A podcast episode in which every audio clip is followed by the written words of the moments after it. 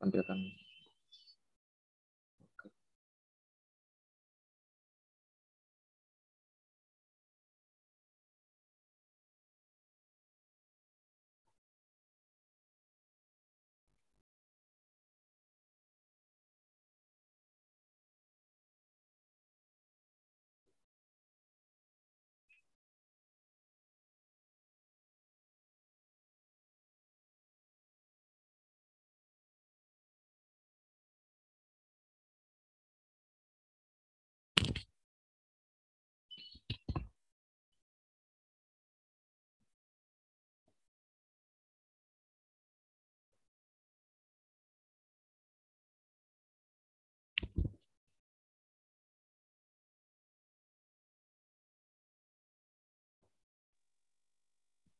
Bu ya?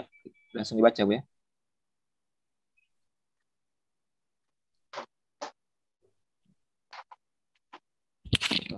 Terlambat buka di sampai lain. Jangan suruh.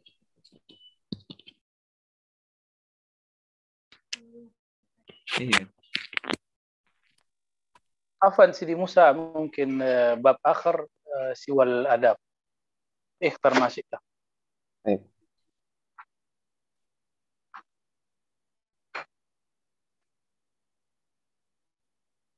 Ha- Hadza mungkin baik. Maulana. حقيقة الصحبة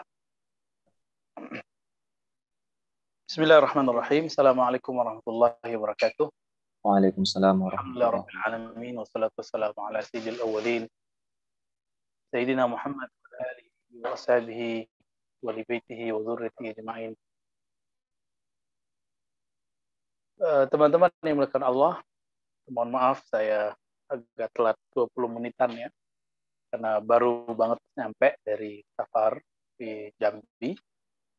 Eh, semoga Allah memberkahi kita semua. Kita masuk ke bab eh, 53 di hakikat sohbah mengenai hakikat dari atau esensi dari suhbah. Eh, kita sudah membahas sebelumnya bahwa suhbah ada dua makna. Suhbah artinya berguru, bisa juga suhbah berarti bersahabat. Uh, adapun makna yang sangat uh, lumrah di kalangan ahli uh, kolbu, ulama-ulama tasawuf, suhbah berarti uh, berguru ya. Meskipun uh, sebelumnya ada satu ulama yang uh, menolak istilah suhbah dalam artian berguru. Beliau menggunakan istilah uh, khidmah. Baik, eh, tafadhol Sidi Musa untuk dibaca atau eh, siapa pun teman-teman ribat. Tafadhol, silakan diatur. Baik.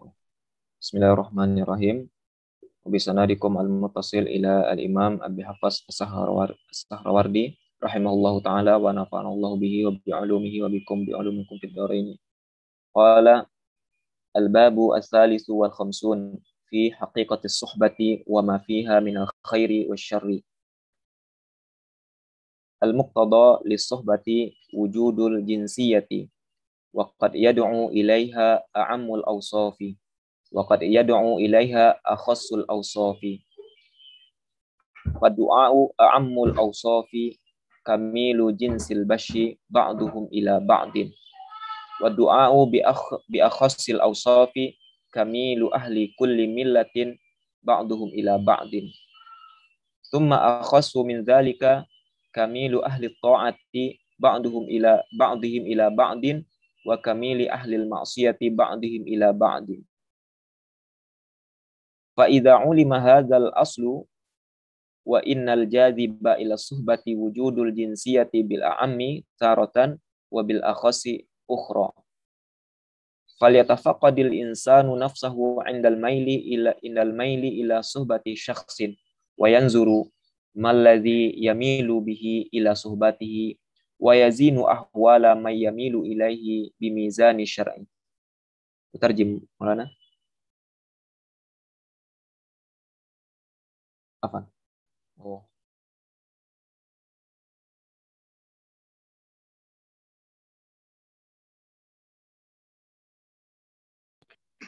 Tafadhol terjem Sidi Musa.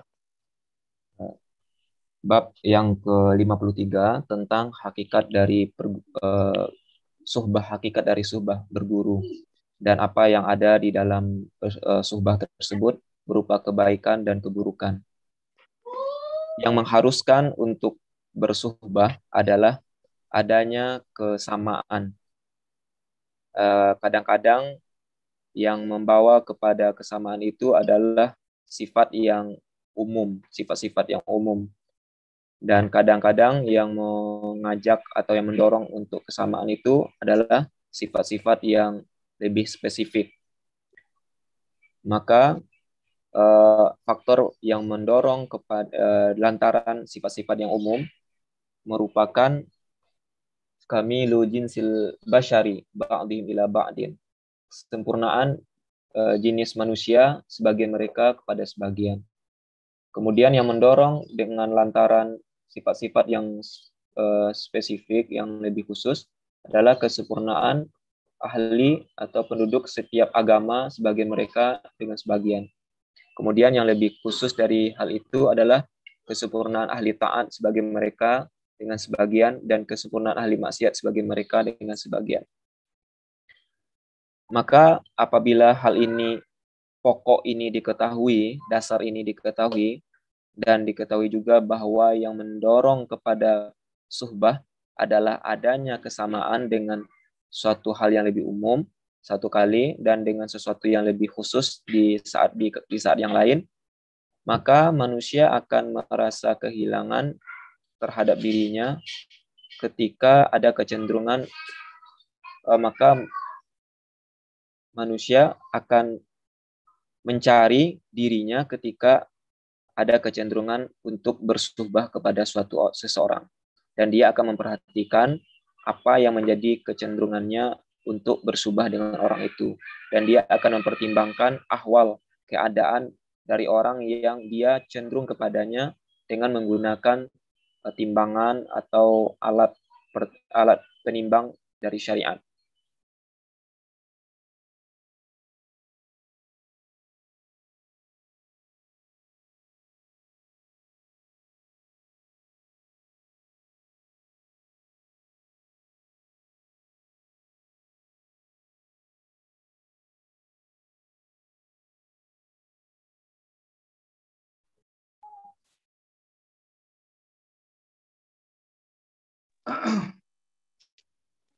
Baik, uh, teman-teman ada satu istilah yang sudah kita bahas sebelumnya yaitu sohbah.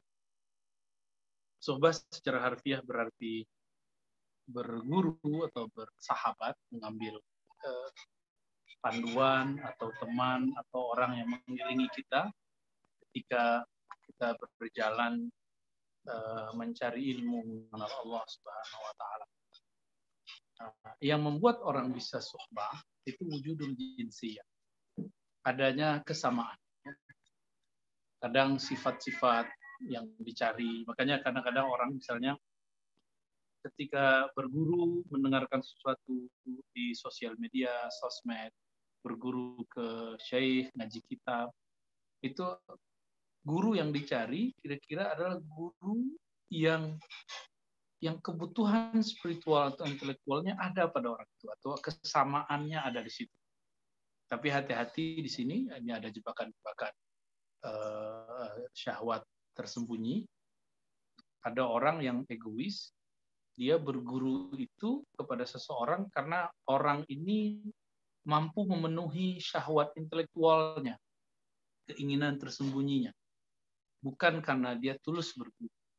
Maka kenapa ada murid eh, kemudian meninggalkan gurunya atau eh, berkhianat kepada gurunya atau kemudian eh, hanya beradab di saat gurunya ada di hadapannya itu disebabkan karena satu hal ada syahwah al khafiyah ada syahwat tersembunyi di dalam diri si murid dia berguru kepada seseorang bukan karena dia ingin mengenal Allah, tapi karena dia ingin memenuhi syahwat keinginan uh, uh, mungkin mazhabnya, manhajnya, atau rikohnya.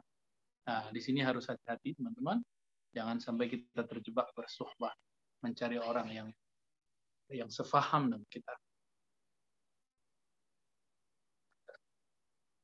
Ya, kemudian dikatakan di situ ya bi amil awsaf kamil jinsil bashar bi akhasil awsaf kamalu ahli kulli millah. Jadi semakin spesifik karakter yang yang membuat kita mau bersuhbah kepada seorang alim, seorang guru, seorang syekh, maka semakin sempurna. Jika, uh, sebagai contoh kalimat yang kedua itu fadua bi amil awsaf. Uh, dorongan untuk bersuhbah, berkawan, berteman, berguru dengan sifat yang lebih umum ini merupakan sifat dari kesempurnaan manusia. Nah, kita ini kan makhluk yang, yang disebut uh, makhluk sosial. Nah, salah satu ciri orang makhluk sosial dia bersuhbah kepada orang yang secara manusiawi mirip dengan orang yang yang sifat uh, misalnya hobinya bisnis ngumpul bersama ahli bisnis ya, peneliti ngumpul sama peneliti marketing ngumpul sama marketing intelektual ngumpul sama intelektual, politisi ngumpul sama politisi itu kamal bashar. Sempurnanya manusia secara manusiawi memang begitu. Tapi secara yang lebih sempurna bi'akhasil awsaf dengan sifat yang lebih sempurna. Apa itu? Eh, kamal ahli kulli millah, yaitu sifat spesifik yang ada di dalam diri. Misalnya sama-sama ingin mengenal Allah, sama-sama ingin mendapatkan ketenangan, ingin merasakan kekhusyuan. Nah, ini disebut akhasil awsaf. Sama-sama ingin membersihkan dan mentazkiyah kolbu dari sifat-sifat yang tidak baik, bertakhalli. Nah, ini akhasil awsaf. Sama-sama suka zikir, sama-sama suka ziarah, sama-sama suka baca kitab, sama-sama hijrah. Nah, ini akhasul awsaf. Ya. Semua akhas min dalik. Nah, lebih khusus dari itu, kamil ahli ta'ah ba'duhum atau ba'dihim ila ba'di. Begitu juga kamil, saya lebih senang bacanya kamal ya, kamal ahli ta'ah, lalu kamal ahli maksiyah. Ba'dihim ila ba'din. Kesempurnaan uh, orang taat itu ketika dia bersumpah berkumpul sama orang taat. Maka coba lihat dulu di zaman ada tokoh yang ahli zikir, mengajak zikir, ini yang hobi zikir ngumpul semua. Sama, jika ada ajakan maksiat, ya kumpul semua. Teman-teman, ini ada komunitas-komunitas pesepeda. Ada komunitas yang spesifik lagi, mobilnya merek mereknya sama. Uh, misalnya sama-sama Toyota Avanza, sama-sama Innova, sama-sama uh, Fortuner. Itu menjadi komunitas. Itulah kesempurnaan dari sisi manusiawi. Pemaksian juga sama. Ya. Baik. Faidah asal. Jadi kalau untuk sudah paham kaidah ini, nah, kaidah ini penting sekali teman-teman untuk uh, memahami yang tadi. Sebentar. Oke, adminnya uh, agar cepat ya. فإذا علم هذا الأسهل وأن الجاذب إلى الصحبة وجود الجنسية بعمي وتارة وبالأخص أخرى kalau orang sudah paham bahwa dorongan al-jazib, tarikan, jazbah, ya, tarikan untuk berkumpul, berkomunitas, bersuhbah, berguru, itu wujudul jinsiyah. Adanya kesamaan, adanya kemiripan eh, secara umum dan terutama uh, karakter tertentu secara khusus. Ya. Maka uh, dikatakan di situ, masya Allah, eh, man admin hatta yani la yamna'uni qira'a بعد الصفحة. طيب طيب. فلا يتفقد الإنسان نفسه عند الميل إلى صحبة شخص وينظر ما الذي يميل إليه إلى الصحبة ويزن أحوال من يميل إليه في ميزان الشرع. Jadi ketika kita hendak suhbah, maka perhatikan kita ini kita kalau berkumpul berkomunitas, kita sebenarnya berkomunitasnya untuk apa? Karena apa?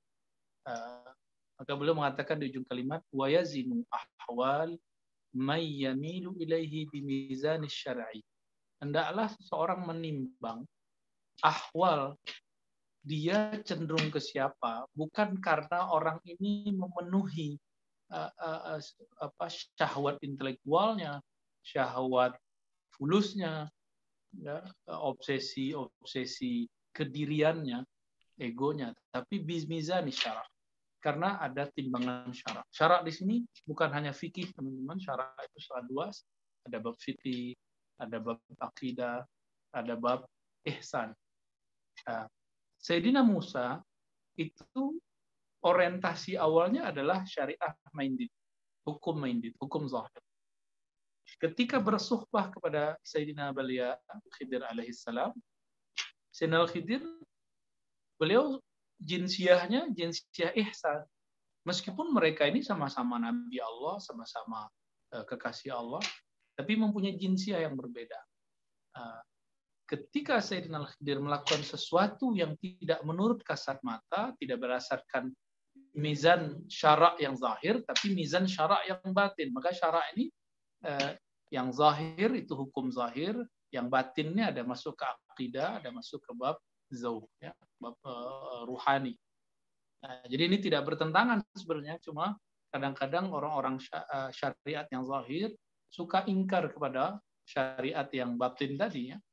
Nah, maka kita lihatlah banyak orang-orang yang yang yang frontal terhadap ilmu. Dan ini wajar. Dan Imam Zarruq mengatakan kalau ada ahli fikih yang mengerti ilmu zahir anti atau mengkritisi ilmu syariat yang batin yaitu ilmu hakikat ma'rifatullah itu wajar. Karena emang begitu mereka. Ya mereka baru segitu pemahamannya.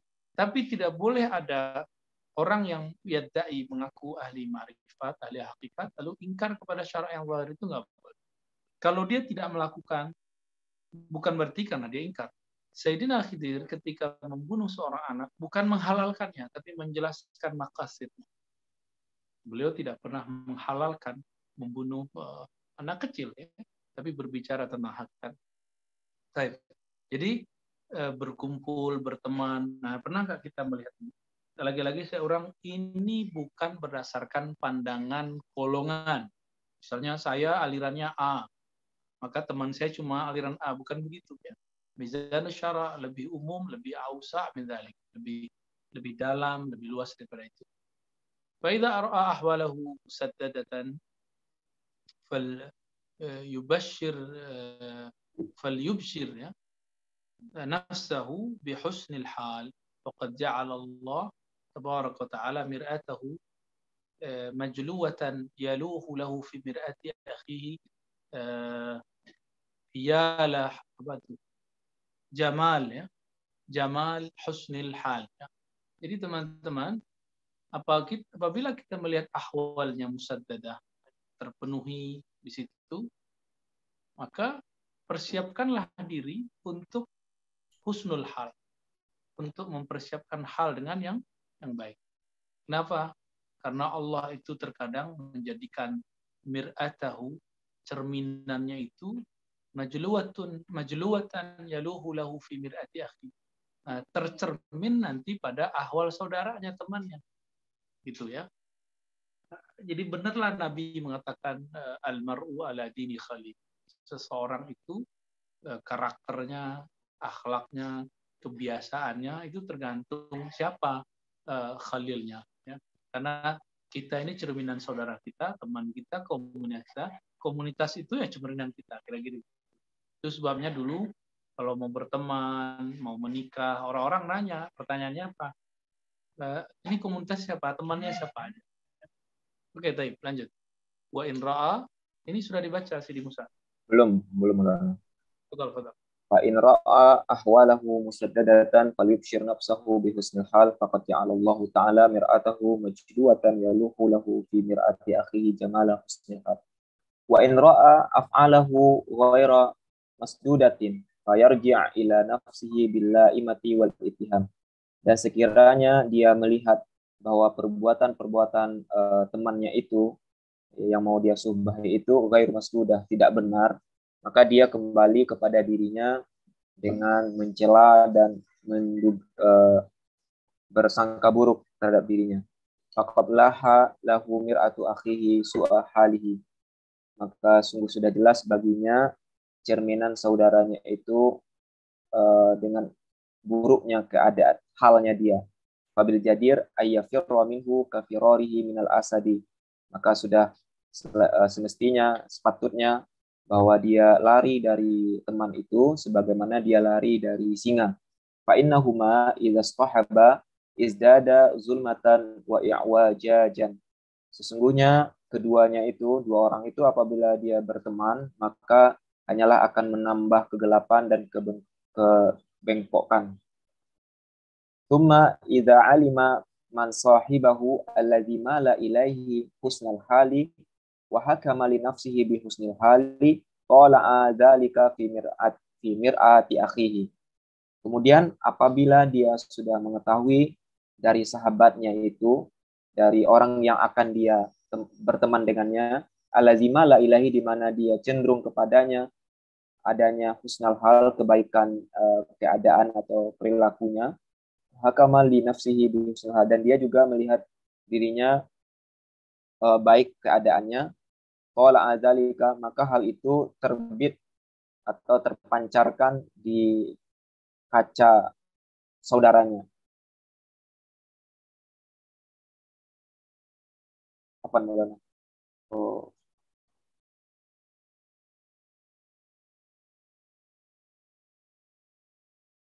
Berubah status. Baik ini ganti status dulu nih ya. Kadang jadi co-host, kadang jadi partisipan. Baik. Wa in rafa'alahu ghaira masduda. Sebaliknya kalau tadi kita melihat apa yang seharusnya ada pada karakter ideal pada orang yang mau kita suhbah atau teman yang mau kita jadiin teman, maka kita menyesuaikan dengan diri kita agar memperbaiki diri kita ya. Agar sesuai dengan mereka. Tapi sebaliknya, jika memang komunitas yang mau kita gabung atau sohbah yang yang mau kita uh, kerahkan itu tidak cocok, oir mas sudah ya, tidak terpenuhi syarat-syaratnya tadi. Fayarji ila nafsihi billahi Tidak usah salahkan teman. Tapi salahkan diri sendiri. Kenapa kita terpapar dengan itu semua? Gitu ya. Faqad laha lahu mir'atu akhihi su'a kalau melihat ada, jadi kita nih melihat di komunitas kita ada keburukan, itu jangan dianggap keburukan mereka, anggap itu keburukan kita. Kenapa? Al mukmin mir'atul akhi. Seseorang itu seorang mukmin cerminan bagi saudaranya. Kalau sudah begitu, seyuknya ayyafirra minhu uh, ber, uh, menjauh ya. Kenapa harus menjauh seperti menjauh kita ketika melihat binatang buas? Innahuma idza istahaba izdada zulmatan wa wa wi apa gimana bacanya Bu ya? Wi ya wi wa wijajan ya. Uh, ketika ini tetap bertemu komunitasnya memang ghair masduda maka apa yang terjadi akan bertambah parah ya akan uh, bertambah tidak baik akan bertambah uh, zulmah ya, akan bertambah zalim. Jadi teman-teman, kalau kita punya komunitas, komunitasnya itu uh, memang tidak sesuai dengan apa yang dimaksud tadi, sebaiknya kita kemudian menghindar. Bukan karena kita menganggap dia salah, tapi kita khawatir kita nanti yang membuat dia salah. Uh, inilah yang disebutkan dalam kitab Hadaikul Haqa'iq Risalah Kusyairiyah. Jadi ada orang beruzlah ketika dia uzlah, pikiran dia ingin menghindari keburukan makhluk. Orang ini mutakabir, sombong. Tapi yang benar itu uzlah menghindar dari orang lain karena khawatir keburukan dia merusak orang lain. Nah, nah makanya dikatakan izdada zulmatan wa wijajan ya. Ini tasrif yang jarang kita baca. Baik, lanjut suma idza alima man sahibul ladhi mala ilaihi husnul hal Wahakama li nafsi hal dzalika firmati Sebaliknya kalau ketemu yang ideal maka dia bisa menyimpulkan itu uh, pada cerminan saudara. Oke, lanjut. Sidi Musa. Uh, Falyalam annal maila bil wasfil a'ammi markuzun fi jablatihi fi billatihi wal mailu bi tariqatin wa bi tariqatin waqi waqi'un wa lahu bi hubbihi ahkamun walin nafsi bisababihi sukunun wa rukunun. Fayaslabu al maila bil wasfil a'ammi jadwal maili bil wasfil akhasi. Maka hendaklah dia mengetahui bahwa kecenderungan lantaran adanya sifat karakter yang lebih umum itu termarkus terkumpul di dalam uh, jibilati karakter uh, karakter karakternya. Wal mailu bitorikah dan kecenderungan dengan suatu sisi itu terjadi walahu bihubihi akam dan dia uh, dalam hal mencintai itu ada ada berbagai hukum dan uh, wali nafsi bisa bagi dan bagi jiwa dengan sebabnya bis ada ketenangan dan kecenderungan maka dia me, menarik kecenderungan itu dengan sifat yang lebih umum eh, dengan adanya kecenderungan kepada sifat yang lebih khusus. Baik, baik.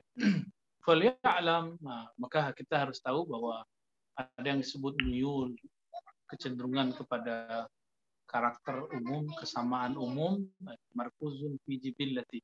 Itu memang sudah terpatri dalam jibillah. Apa jibillah? Kebiasaan atau kecenderungan terbanyak dalam diri kita.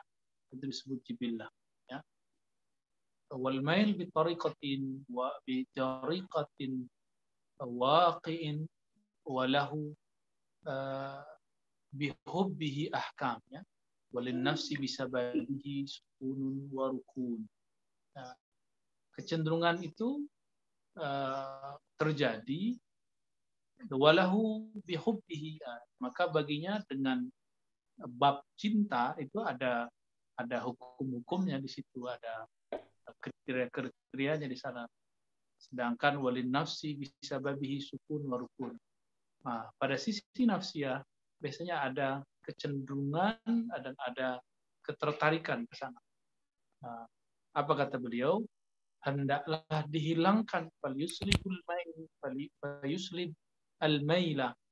Maka hendaklah dihilangkan kecenderungan itu bil wasfil am. Uh, yang berdasarkan wasfal wasfal am ya. Lalu pindah ke bil wasfil akhas. Tadi dari baca di saya wasiru bainal mutasahibain. Sehingga antara orang yang bersuhbah ini, dua orang bersuhbah ini ada istirawahat tabi'iyah wa talazzuzat jibiliyah eh, la yafruku baituha wa baina khulus lillah ila ulama zahid. Eh, antara orang-orang yang mutasahibain itu kalau tadi kan ada ke ke apa hiburan-hiburan kelezatan-kelezatan keasikan-keasikan yang sifatnya fisik materi atau kebiasaan umum. Secara fisik ya jibillah misalnya gerakan kah hobi kah itu masuk jibillah uh, wala uh, yafruqu bai la yufarraq la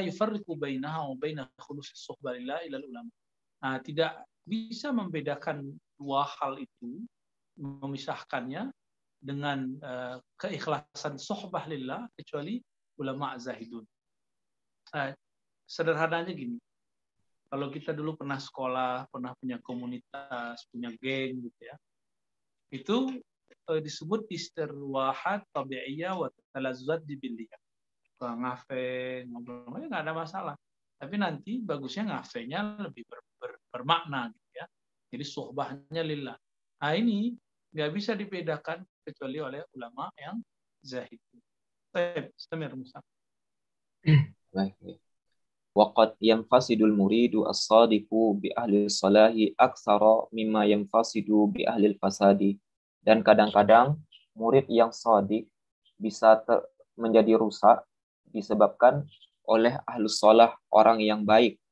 Lebih banyak uh, kerusakannya ketimbang dia rusak lantaran ahli fasad orang-orang yang berbuat fasad. Wa wajhu dzalika anna ahlal fasadi alima fasada tariqihim fa'akhadha hazrahu.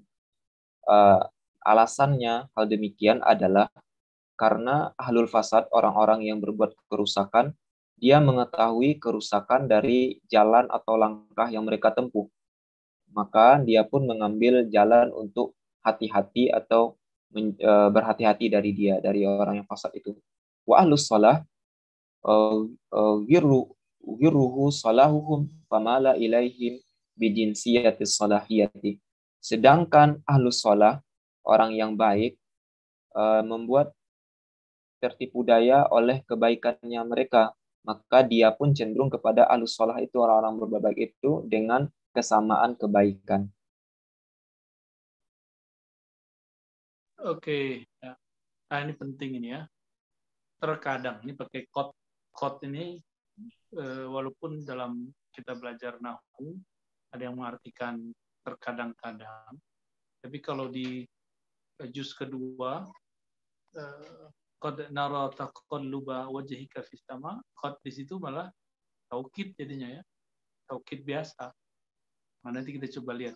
Saya lebih tertarik mengartikan yang pertama kali kadang-kadang yang fasidul murid as-sadiq bi ahli salah akthar mimma yanfasidu bi ahli fasad seorang murid yang sadiq ini kadang-kadang rusak rusak sohbahnya terhadap ahli sholat, orang yang soleh, daripada rusaknya dia dengan ahli fasad. Ya. Wajah dzalika anna ahli fasad alima fasadat Karena orang yang fasad itu memang tahu kalau dia memang fasad, dia rusak. Uh, sedangkan kalau dia sudah paham, misalnya ketika dia paham ahli fasad ini fasadnya apa, akhadha hadrah, maka dia hati-hati. Jadi misalnya nih, saya punya dua komunitas satu komunitas orang baik-baik soleh, satu komunitas orang jahat. Nah, hati-hati teman-teman. Ada komunitas prahijrah, ada sebelum hijrah. Sebelum hijrah, paling maksiat maksiat aja, tapi nggak pernah meneraka menerakakan orang, nggak pernah eh, apa mendiskreditkan kelompok yang berbeda. Tapi setelah hijrah terjebak kepada komunitas yang suka nyalah-nyalahin orang.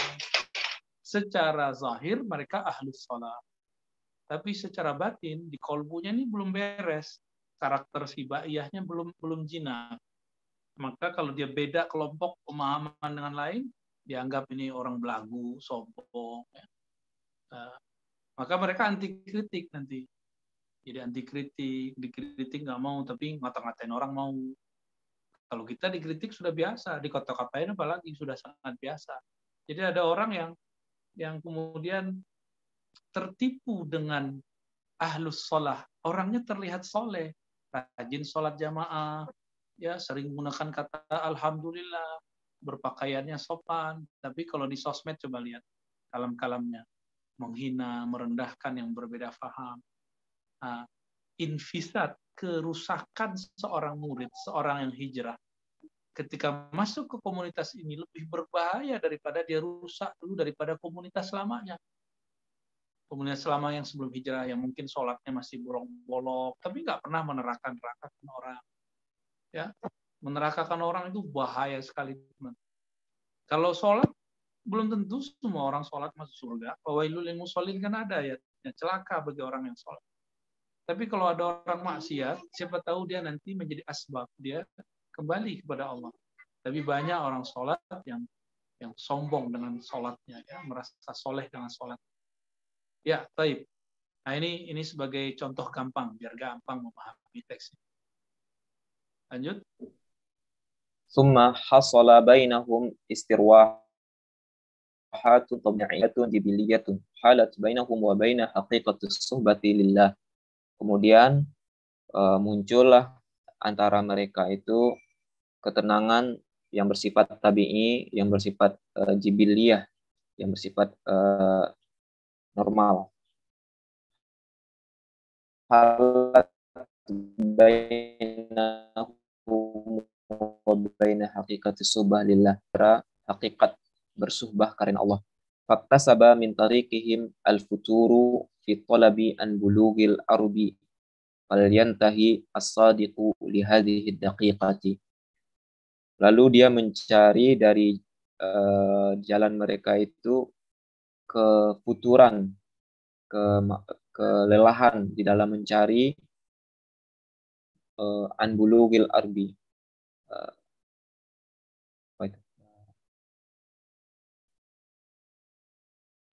Arif itu tujuan. Uh, untuk mencapai tujuan. Maka hati maka hendaklah uh, beryantahi berhenti seorang sadid, orang yang jujur lihadhi daqiqah untuk sesuatu yang halus ini.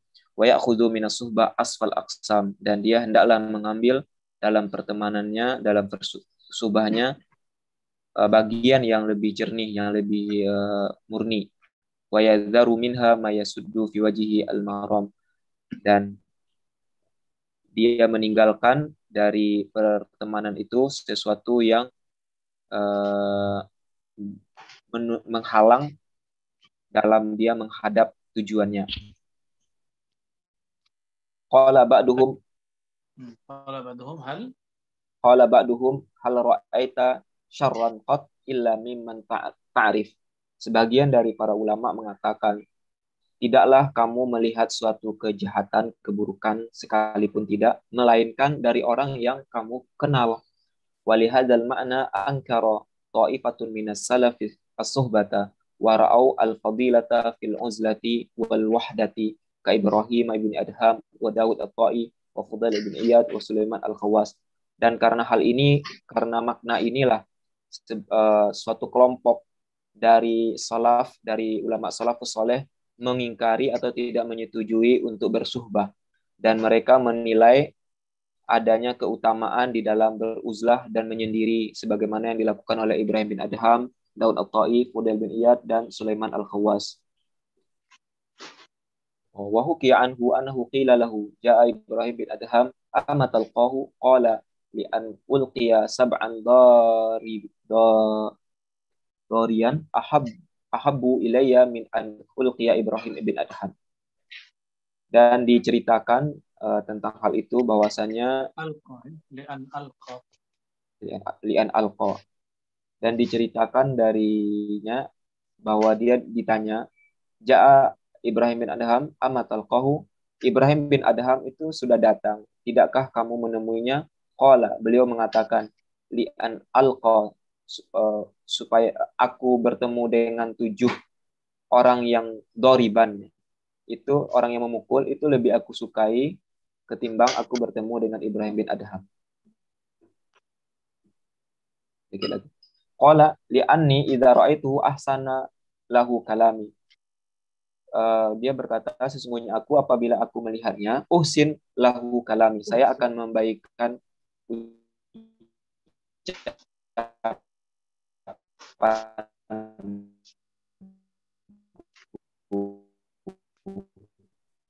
wa uzhir nafsi bi izhari oh, nampakkan diriku dengan penampikanku wa fidzalikal fitnah dalam hal inilah terjadi fitnah cobaan atau ujian. Wa hadza kalamu kalamu alimin bi nafsihi wa akhlaqi. Dan inilah ucapan dari orang yang paham betul dengan dirinya dan akhlaknya.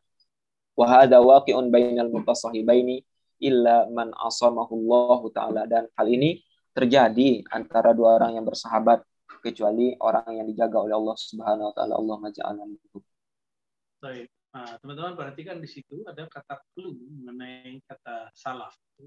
Kan teman-teman suka dengan istilah salafnya. Coba lihat, ternyata ulama ahli hadis seperti Surawarti yang juga mengerti Saud menyebut salaf itu bukan satu manhaj. Ya. Ankara ta'ifatun minas salaf Berarti salaf ini ada beberapa manhaj. Ada satu kelompok dari salaf mengingkari manhaj suhbah. Berarti ada salaf yang manhaj suhbah dan manhaj yang salafnya uzlah. Uh, ini juga bisa menjadi ibrah bagi kita bahwa salaf itu bukanlah satu manhaj. Salaf itu adalah zaman mubarak, ya, azminah mubarakah, wa fiha manahij wa madahib zaman penuh keberkahan yang di situ banyak manhaj dan mazhab yang yang sesuai dengan warisan Nabi yang bisa kita ambil mana yang saleh, mana yang relevan untuk zaman kita sekarang. Uh, Wara'ul fadila, mereka seperti Ibrahim ibn Adham, Daud At-Tai, Fudail bin Iyad, Sulaiman Al-Khawas. Ya. Ini mereka ini manhajnya apa? Manhajnya adalah tafdil uzla ala suhbah. Maka kita jangan heran uh, di antara mereka yang masuk ke dalam sanat torikot itu cuma orang nomor dua. Sedangkan Ibrahim bin Adham ini jarang sekali di torikot muncul. Sebagai dalam sanat silsilah ya. Yang ada Daud At-Tai ada uh, itu dalam silsilah-silsilah selain Naqsyabandiyah itu ketemu uh, Pendiria ketemu ya di Syazidiyah ada uh, tergantung jalurnya Nah, sedangkan eh, jalur Fudail bin Ayyad, Sulaiman al-Khawas ini tidak begitu populer walaupun tetap ada Torikoh.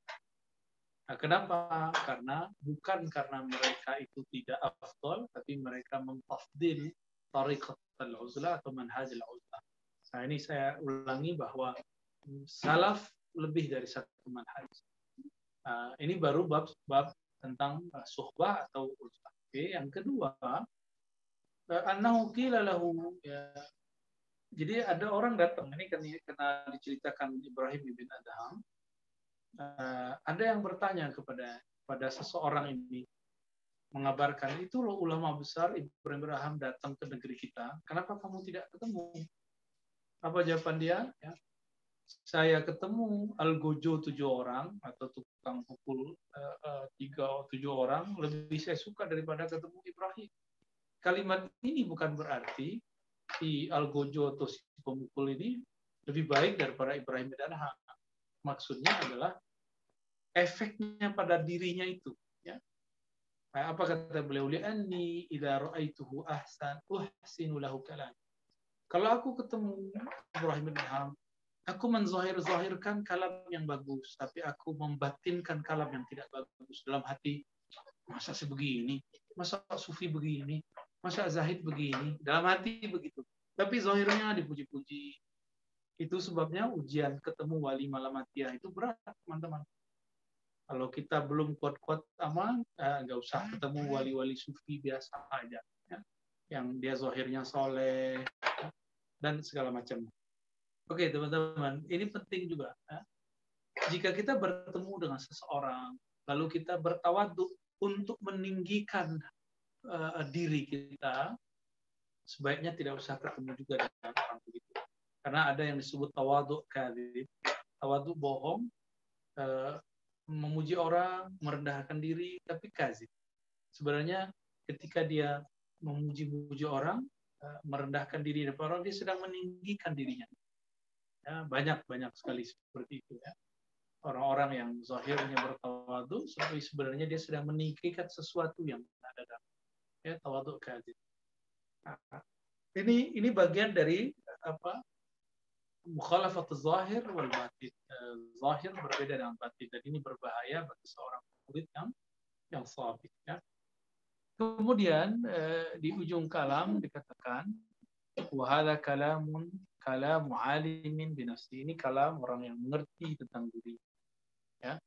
Jadi kalau kita mengerti tentang diri kita, kita tidak terlalu terobsesi ketemu ini, ketemu itu, belajar kepada Syekh Fulan, sampai sudah mantap di hati, zahir dan batin kita sudah sejalan. Nah, kalau sudah sejalan, Allah akan takdirkan kita bisa bersuhbah kepada mereka. Nah, kepada siapa pun teman-teman, ketemu profesor, doktor, syekh, sama, sama itu ya. bahkan ketemu artis, ya. itu masuk masuk ke sana saya masih ingat dulu awal-awal ke Jakarta, pulang-pulang ditanya orang, kamu tuh nggak artis ini, artis itu. Nah, kalau saya bilang, hm, nggak ada, nggak ada ininya, batin kita senang. Nah, ini kan berbahaya. Jadi kayak kayak kayak nggak seneng, kayak kayak nggak tertarik, tapi batinnya malah senang. Ini ciri-ciri manusia itu emang aneh, ya kita kitanya aneh. Katanya nggak senang sama artis, ya. Tapi kalau ketemu minta foto berdua, ya kan? Nah, ini ciri-ciri kalau emang zahir batin kita beda.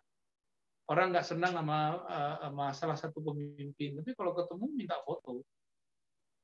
Nah, ini apa uh, semacam ya, kelemahan-kelemahan lah yang semestinya kita hindari. Ya. Maka seperti yang dikatakan oleh orang yang alim ini, saya sebaiknya nggak ketemu Ibrahim. Karena kalau ketemu Ibrahim bin Adham, nanti jadi munafik. Baik, lanjut.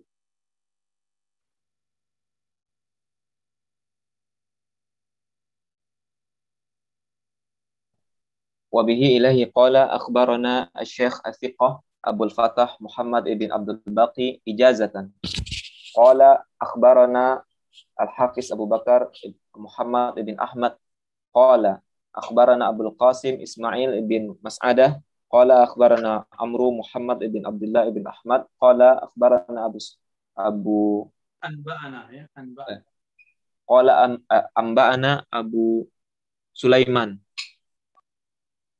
Ahmad bin Muhammad Al-Khattabi qala am, amba'ana Muhammad ibn Bakar ibn Abdul Razzaq qala hadatsana Sulaiman ibn Al-Ash'as qala hadatsana Abdullah bin Maslama an Malik an Abdurrahman bin Abi Sa'sa'ah an abihi an Abi Sa'id Al-Khudri qala qala Rasulullah sallallahu alaihi wasallam yushaku ayyakuna khairu malil muslimi ghanaman yattabi'u biha syu'abal jibali wa mawaqi'al qatari yafirru bidinihi anil fitani.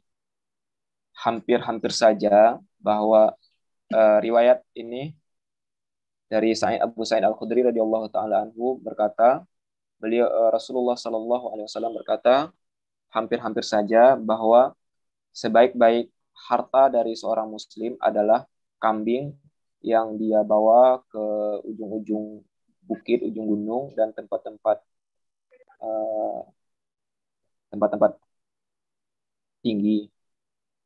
Ya firu bijinihi, dia pergi ke sana dengan membawa agamanya untuk menghindari fitnah-fitnah.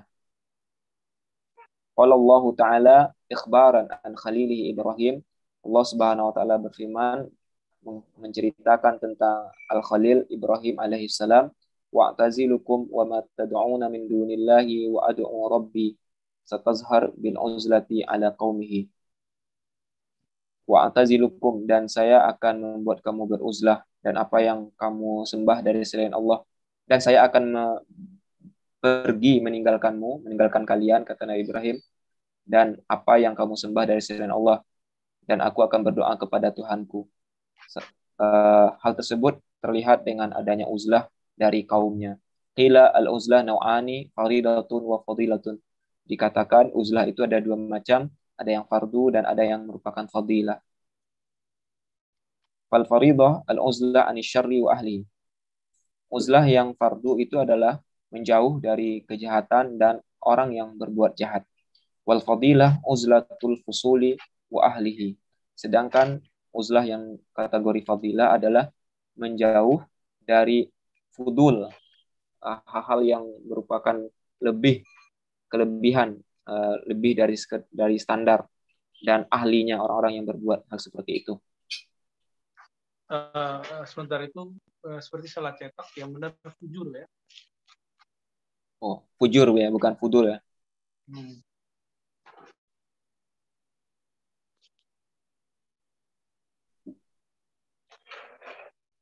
Lanjut ya.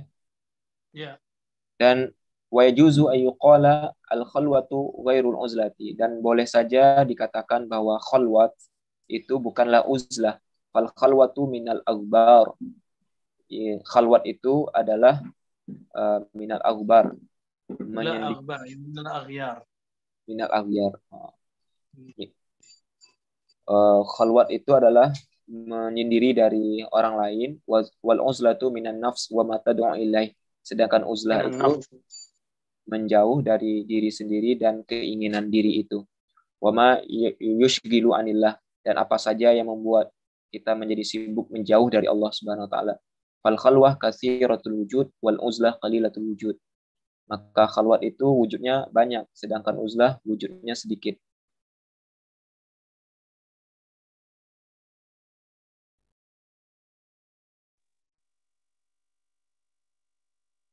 Baik. Sudah Musa apa belum? Uh, lanjut ya.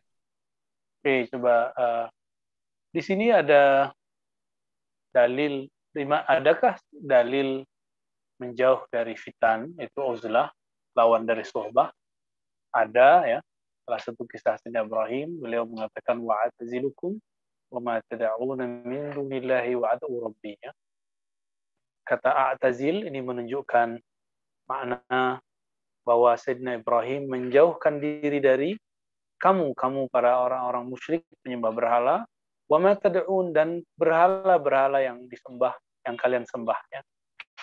Berarti kalau mengikuti prinsip Sayyidina Ibrahim alaihissalam al-uzlah itu itu minasyirk ya, wa ahli. Nah, di sini maka kemudian diterjemahkan oleh oleh Imam Sarwardi al-uzlah naw'an ya. Uzlah itu dua, ada fardhah, ada fadilah. Ada yang wajib, ada yang dianjurkan. Yang wajib itu anisyarri wa ahli. Ya. Uh, dari keburukan wa ahli. Fadilah ya, itu uzlatul fudul. Kalau kalau kita ngikutin nggak mau ganti dengan fujur bisa berarti fudul.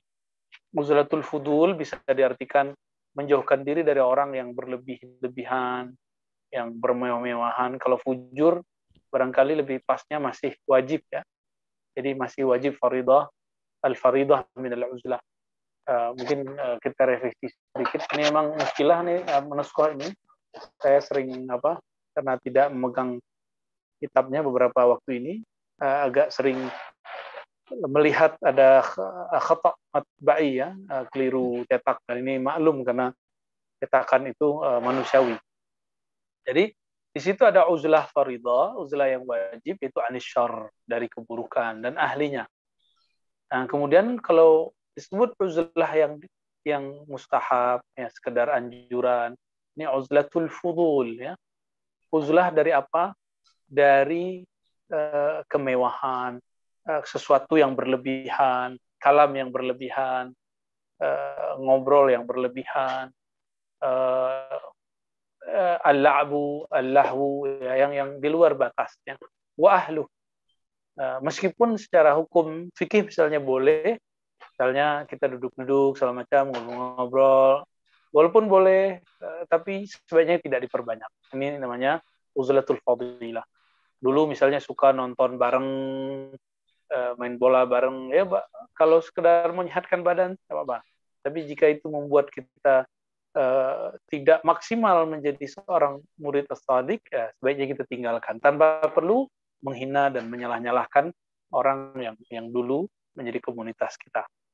Nah, jangan terjebak seperti kalam yang tadi, teman-teman. Terjebak oleh ahlus sholah lebih sering daripada terjebak oleh ahlul fasad. Nah ini yang yang penting kita ingat-ingat dari teks ini.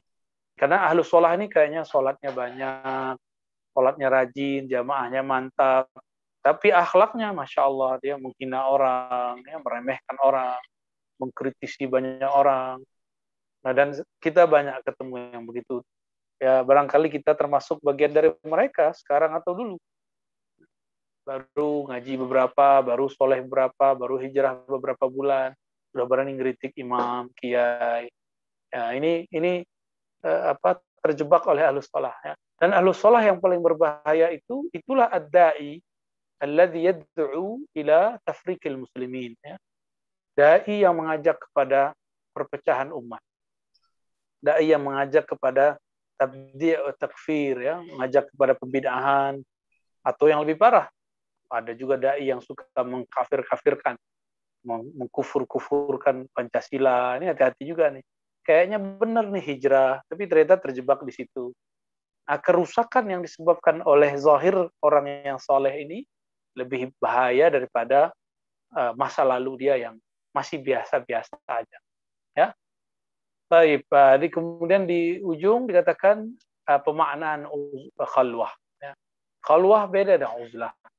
Allah itu menyepikan diri, membuang selain sesuatu yang yang menghalangi kita dengan Allah. Maka ada kalimat al-khalwah minal aghyar, bukan akhbar ya. Ini aja titiknya kurang. Khalwat itu yaitu menyepikan, mengosongkan kolbu dari selain Allah. Aghyar artinya uh, ghairullah. Ya. Wal uzlah, adapun uzlah itu Eh, mendidik diri supaya bercerai eh, karakter ruhiyah kita dengan karakter rendah yang bermunculan dari nafsiyah eh, yang saya sebut sebelumnya dengan sibaiyah karakter eh, buas atau karakter eh, hewan ternak gitu ya. Wa ma tad'u ataupun hal-hal yang mengarah kepada hal-hal tersebut ya. Wa ma yushghilu 'anillah ya, dan hal-hal yang memalingkan daripada Allah. Fal khalwatu katsiratul wujud wal uzlatu qalilatul wujud. Oleh karena itu, khalwat itu banyak formulasinya. Tapi kalau uzlah sedikit ya. Makanya jangan heran ada sampai sekarang beberapa kiai-kiai tua, ya, eh, santri-santri lama itu suka ke gunung-gunung ya. Ada yang benar beruzlah, ada yang bertapa mau cari kesaktian. Nah, yang benar ini yang beruzlahnya. Boleh nggak itu? Boleh. Itu hadis yang di atas kan ada tadi ya. Baik-baik seseorang yang punya apa ghanam yang dia kemudian menjadikan itu sebagai bekal dia untuk uh, menghindari fitan ya, kekacauan. Di situ nggak ada kalimatnya menghindari keburukan orang tidak. Fitan ini bisa jadi fitan min indinasihi, keburukan yang disebabkan kalau dirinya ada bersama orang. Maka saya ulangi teman-teman, orang yang mengatakan saya mesti menjauh dari komunitas itu. Kenapa? Komunitas itu jahat, komunitas itu buruk. Orang ini mutakabir, sombong. Ya. Tapi kalau ada orang mengatakan saya harus menjauh dari komunitas ini, kenapa? Jangan-jangan saya lah yang menyebab komunitas ini, kelompok ini, teman-teman saya rusak. Nah, ini uzlah yang benar. Jadi kalau teman-teman sekarang lagi tren namanya hijrah, jangan pernah berpikir saya hijrah dari komunitas yang lama. Karena komunitas lama bikin saya jahat. Ya, jangan katakan itu. Tuduh diri kita dan katakan, komunitas yang lama itu justru rusak karena saya ada di dalamnya. Nah, ini baru teman-teman hijrahnya benar ya. Oke. Saya rasa cukup sih di Musa kalau ada yang mau diskusikan tafadhalnya. Baik, Bu ya. Cukup. Ada banyak pertanyaan masuk Bu ya.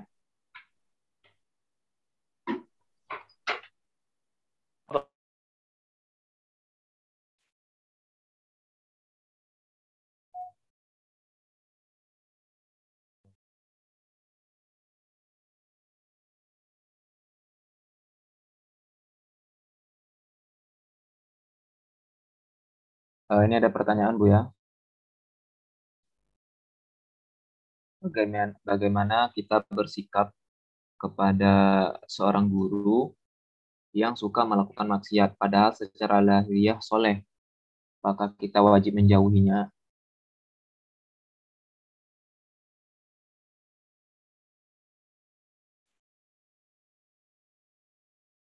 Apa nih?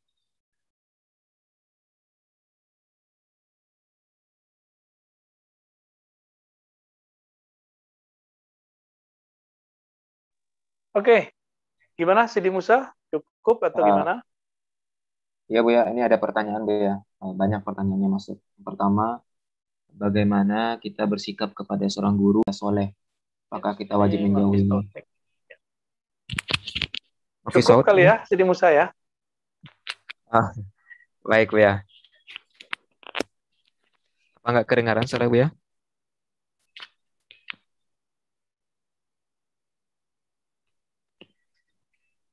بصوت موسى ولا uh, baik uh, mungkin sepertinya suara tidak kedengaran Bentar, saya tidak dengar suara Musa